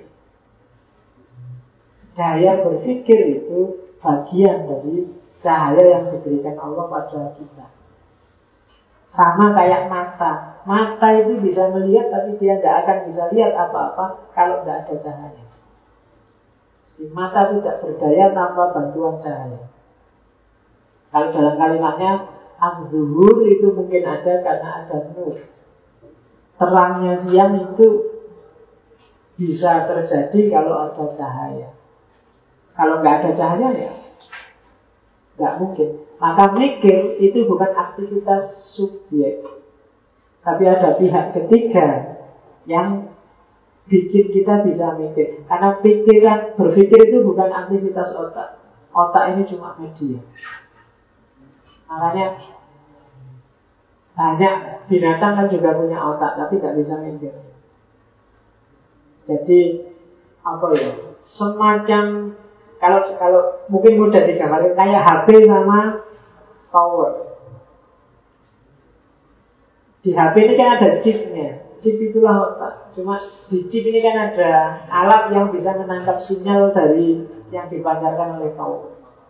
Nah, towernya itu, sinyal dari jaringannya itu, itulah mungkin cahaya dari Tuhan, sementara chip yang bisa menangkap cahaya itu, itulah otak, itulah akal.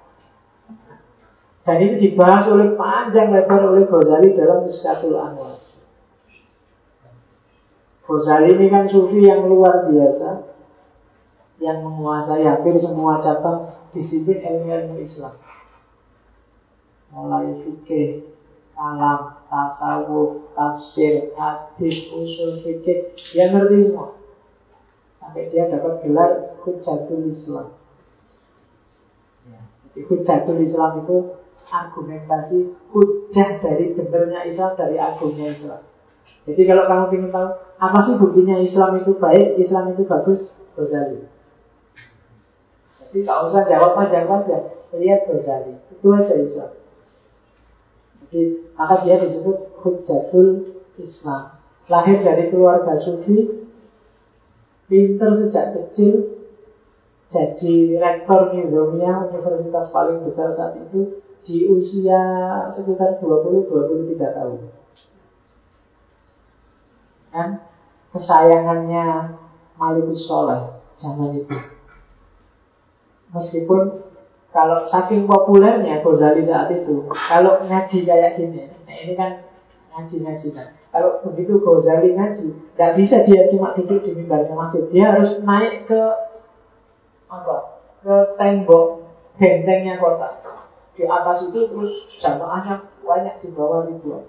Itu saking populernya Ghazali saat itu. Oh, tiap hari kerjaannya ceramah, jadi nggak cuma dai seribu umat, dai seluruh negara. Jangan itu saking populernya. Cuma kemudian ada benturan-benturan, chaos-chaos politik yang bikin dia kayak tadi tafakur. Apa ya ini sih tujuan hidupku itu? Mulai dia mikir, oh ya. Apalagi ketika kakaknya kakaknya ini seorang sufi.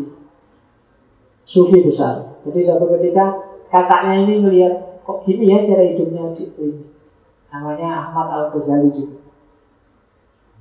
Terus waktu Ghazali sedang semangat semangatnya ceramah, tiba-tiba dia teriak dari bawah eh bahasanya Ghazali. Kalau bahasa Indonesia gini, eh kamu yang jadi batu asah Sampai kapan kamu menajamkan orang lain sementara kamu sendiri tetap tumpul? Nah itu kakaknya cuma bilang gitu. Tapi begitu kakaknya ngomong kayak gitu, Ghazali langsung diam. Dan berhari-hari nggak bisa ngomong. Mau ceramah, naik mimbar, suaranya nggak bisa keluar. Itu Ghazali. Ini kan luar biasa ya. Jadi cuma ngomong, wahai batu asal ya. Kayak saya yang di ini kan tiap hari ngajarin kamu. Tidak mesti aku tercerahkan duluan. Mungkin kamu jadi lebih tajam, lebih tajam tiap hari, tapi aku pancet. Tidak tambah apa-apa. Diriku tidak lebih tajam. Itu yang diingatkan oleh kakaknya Ghazali, wahai batu asah, sampai kapan engkau menajamkan orang lain, tapi dirimu sendiri tetap kufur. Nasihat dasar dan dari situ berhari-hari tidak bisa ngomong sampai kemudian pamit pada keluarganya. Sakit berhari-hari dokter nggak ada yang bisa menyembuhkan hanya pamit sudahlah relakan aku, aku pergi nyari entah apa yang bisa ditemukan. Itu nanti ada fase beberapa tahun kehidupan Ghazali yang hilang. Uzlah. Di beberapa tempat pindah-pindah sampai kemudian kembali dan jadi sufi besar. Dan itu Ghazali dan sampai dia bisa terakhir dia bisa ngerti kapan dia mau meninggal. Jadi waktu mau meninggal dia bilang ke kakaknya tolong datang ke tempatku bawa kain kafan kain terus meninggal. Sebelum meninggal dia pamit ke keluarganya. Sebentar lagi aku pergi. Jangan dianggap aku itu pergi hilang tapi ada tujuannya yang lebih panjang yang akan aku temui dan seterusnya. Terus, terus dia tidur dan meninggal saat itu. Nah, itu oke ya. Ini kalau ini tak baca sekilas saja ya.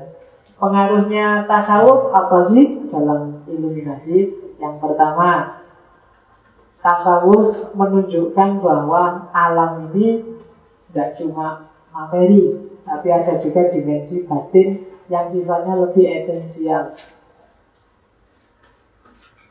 Yang ini dilupakan oleh orang-orang peripatetik tradisi filsafat Yunani yang diwarisi oleh filosof seperti Arkindi dan kawan-kawan sering melupakan dimensi batin. Padahal batin itu lebih penting, lebih hakiki. Kalau cuma jasmani, tidak akan lebih 100 tahun dia akan musnah. Tapi batin dia akan bertahan. Sufi juga mengajarkan, nanti ini berpengaruh di filsafat iluminasi, ineffability. Ineffability itu tidak terkatakannya pengalaman. Tidak ada gunanya teori kalau dalam tasawuf. Yang penting praktek pengalamannya nggak bisa diceritakan, harus dialami. Dari situ nanti lahir ilmu huduri. Dan yang ketiga, gnosis, pengetahuan intuitif. Kesadaran intuitif yang tidak akan kalian dapatkan di buku, tidak akan bisa kalian tanyakan pada orang lain, kiai siapa pun tidak bisa jawab, yang bisa menjawab kalian sendiri. Kesadaran intuitif. Kesadaran orang tentang hidupnya sendiri, tentang pengalamannya sendiri. Itu yang bisa jawab masing-masing orang. Kalau setiap orang ditanya sebenarnya hakikatnya hidup ini apa sih? Mungkin setiap kepala jawabannya beda-beda. Itu namanya kesadaran intuitif. Sampai di mana kesadaranmu itu nanti menunjukkan seperti apa jawabanmu. Dan ini nggak bisa ditanyakan ke orang lain. Nggak bisa direkayasa. Nah, itu yang disumbangkan oleh tasawuf pada iluminasi. Jadi filsafat Yunani kuno, filsafat Yunani era Plato dan era Helenistik Neoplatonis, kemudian Persia kuno, kemudian tasawuf, satu lagi apa tadi? Yang mempengaruhi hikmah Masyrikia, filsafat Islam. Dan mix antara lima hal inilah nanti yang melahirkan filsafat iluminasi dalam diri seorang Sudawardi yang akan kita bahas minggu depan. Ya, panjang itu kan, cuma pengantarnya. Belum intinya. Dua jam saya ngomong pengantarnya saja. Oke, silahkan kalau ada yang mau komen. Ah, ah. Seperti yang kita tahu mungkin daripada itu nanti akan lebih dekat pada yang satunya akan menjauhi apakah ada tokoh yang dapat mengawinkan? Bila ada oke. Syuhrawardi sudah mengawinkan itu. Makanya tadi kan ada Farabi Ibn Sina juga masuk. Tapi tahu Farabi Ibn Sina kan tidak dua orang dari tradisi mereka cuma mix yang paling sempurna nanti ketemu di bulan Zadra. Tokoh terakhir. Mungkin pada saatnya kita akan masuk ke filsafat Islam yang postmodern. Setelah nanti kita sebentar mungkin pada saatnya juga akan ngomong modern. Kalau yang modern ini tradisi yang agak agak belok sedikit dari tradisi murni intelektual karena Islam modern ini Islam yang berusaha ingin bangkit. Jadi cara berpikirnya lebih ke aktivisme, bukan refleksi. Orang-orang seperti Muhammad Abdul, Iqbal dan kawan-kawan pada saatnya akan kita singgung di filsafat Islam modern. Tapi di filsafat Islam postmodern nanti ada beberapa tokoh juga yang berusaha mengawinkan hikmah timur dan hikmah barat orang-orang ya seperti Fazlur Rahman, Muhammad Arkun, saya Hussein Nasr dan kawan-kawan itu sebenarnya perjuangannya sama. Jadi Masyrikia bagus, Maghrib juga perlu dipertimbangkan. Tidak boleh ada yang saling mendominasi mewakili wilayah hidup yang sama-sama kita butuhkan. Meskipun hari ini mataharinya terbitnya dari barat tidak dari timur. Pada saatnya akan kita terbitkan lagi matahari dari timur. Nah, itu generasi. Oke, ada lagi apa? Saya mau tanya Pak, bahwa mencapai minat tadi kan dijelaskan pendapat saya itu tahu dan saya kok menangkap bahwa ada mengatakan bahwa untuk mencapai itu hatinya harus itu mungkin hanya diri. Terus kemudian ada yang mengatakan betapa ada yang meninggalkan dunia termasuk harta keluarga dan kehidupan dunia lainnya lah. Apa memang seperti itu? Karena e, pandangan sekarang yang terkonstruksi tentang sufisme itu ya kehidupan yang kumal, zelnya dan seperti itu. Ya uzlahnya para sufi itu sebenarnya dalam rangka riadoh jadi Intinya bukan uzlahnya, tapi melatih diri untuk tidak terikat oleh dunia. Hanya saja menurut hematnya para sufi, selama kita masih campur kayak gini, itu berat tidak terikat itu. Maka jiwanya harus dilatih puasa dari dunia. Nah, cara paling gampang itu memang jauh dulu Cara paling gampang. Tapi seandainya tidak mungkin Pak saya menjawab. Ya sambil hidup sehari-hari tapi tidak dimabuk, tidak didominasi, tidak disetir, tidak terikat itu dunia juga. Beberapa sufi malah. Kalau orang Jawa ada namanya topong rami. Topong rami itu kayak kayaknya sih biasa-biasa kayak gini tapi sebenarnya topo. Topo itu ya usulah riago dunia nggak menarik lagi bagiku. Terserah orang. Ya aku butuh makan ya makan. Tapi makan tidak segalanya. Aku butuh uang ya butuh cari uang. Tapi uang tidak bisa mengalahkanku. Uang harus kutunjukkan untuk kepentinganku itu. Riado melatih intinya di situ. Kenapa sih para sufi menyuruh uzlah? Karena biasanya berat kalau kita masih campur kayak gini untuk nggak seneng dunia itu susah makanya paling gampang uzlah Hari ini contohnya paling gampang ya. Kita tergantung luar biasa dengan bensin atau listrik. Seolah-olah kalau nggak ada bensin atau listrik kita nggak bisa hidup. Coba seandainya listrik dan bensin habis beneran, jangan khawatir kita pasti tetap bisa hidup.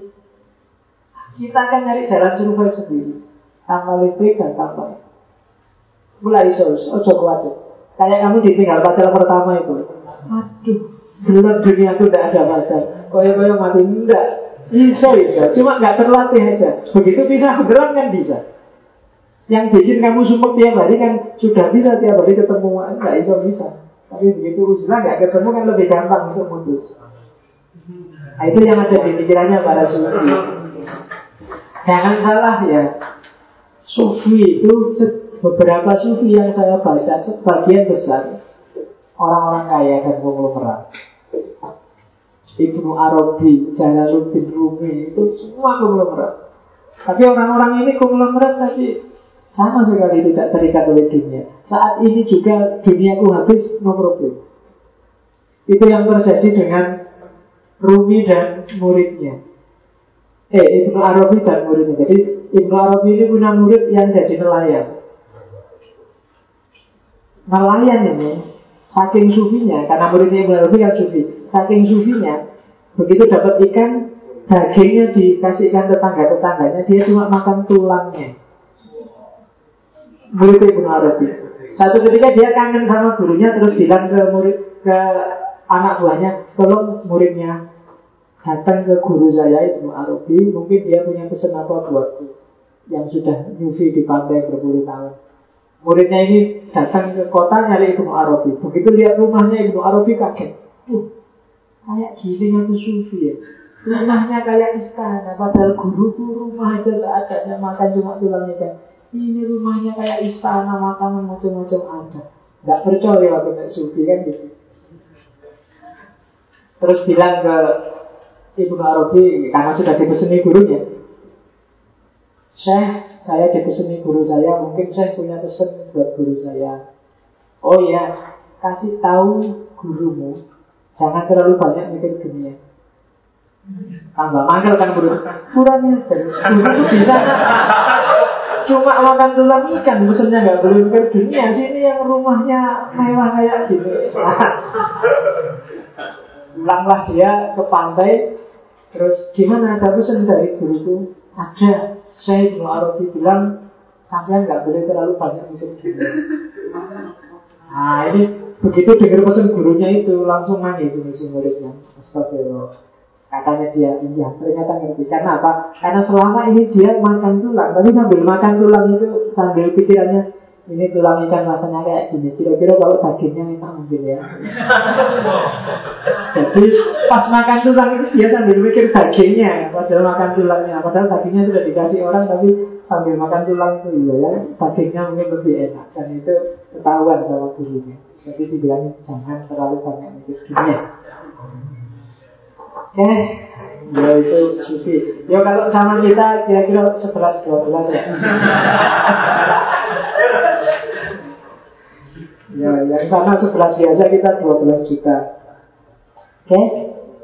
Saya kira itu ya sudah jam 10 Minggu depan kita masuk beneran ke filsafat imunisasi ya. Malam ini baru mengantar Ya semoga kita dapat sedikit banyak percian-percian cahaya dari iluminasi saya akhiri sekian. Wallahu muwaffiq, wallahu a'lam bishawab. Wassalamualaikum warahmatullahi wabarakatuh. Waalaikumsalam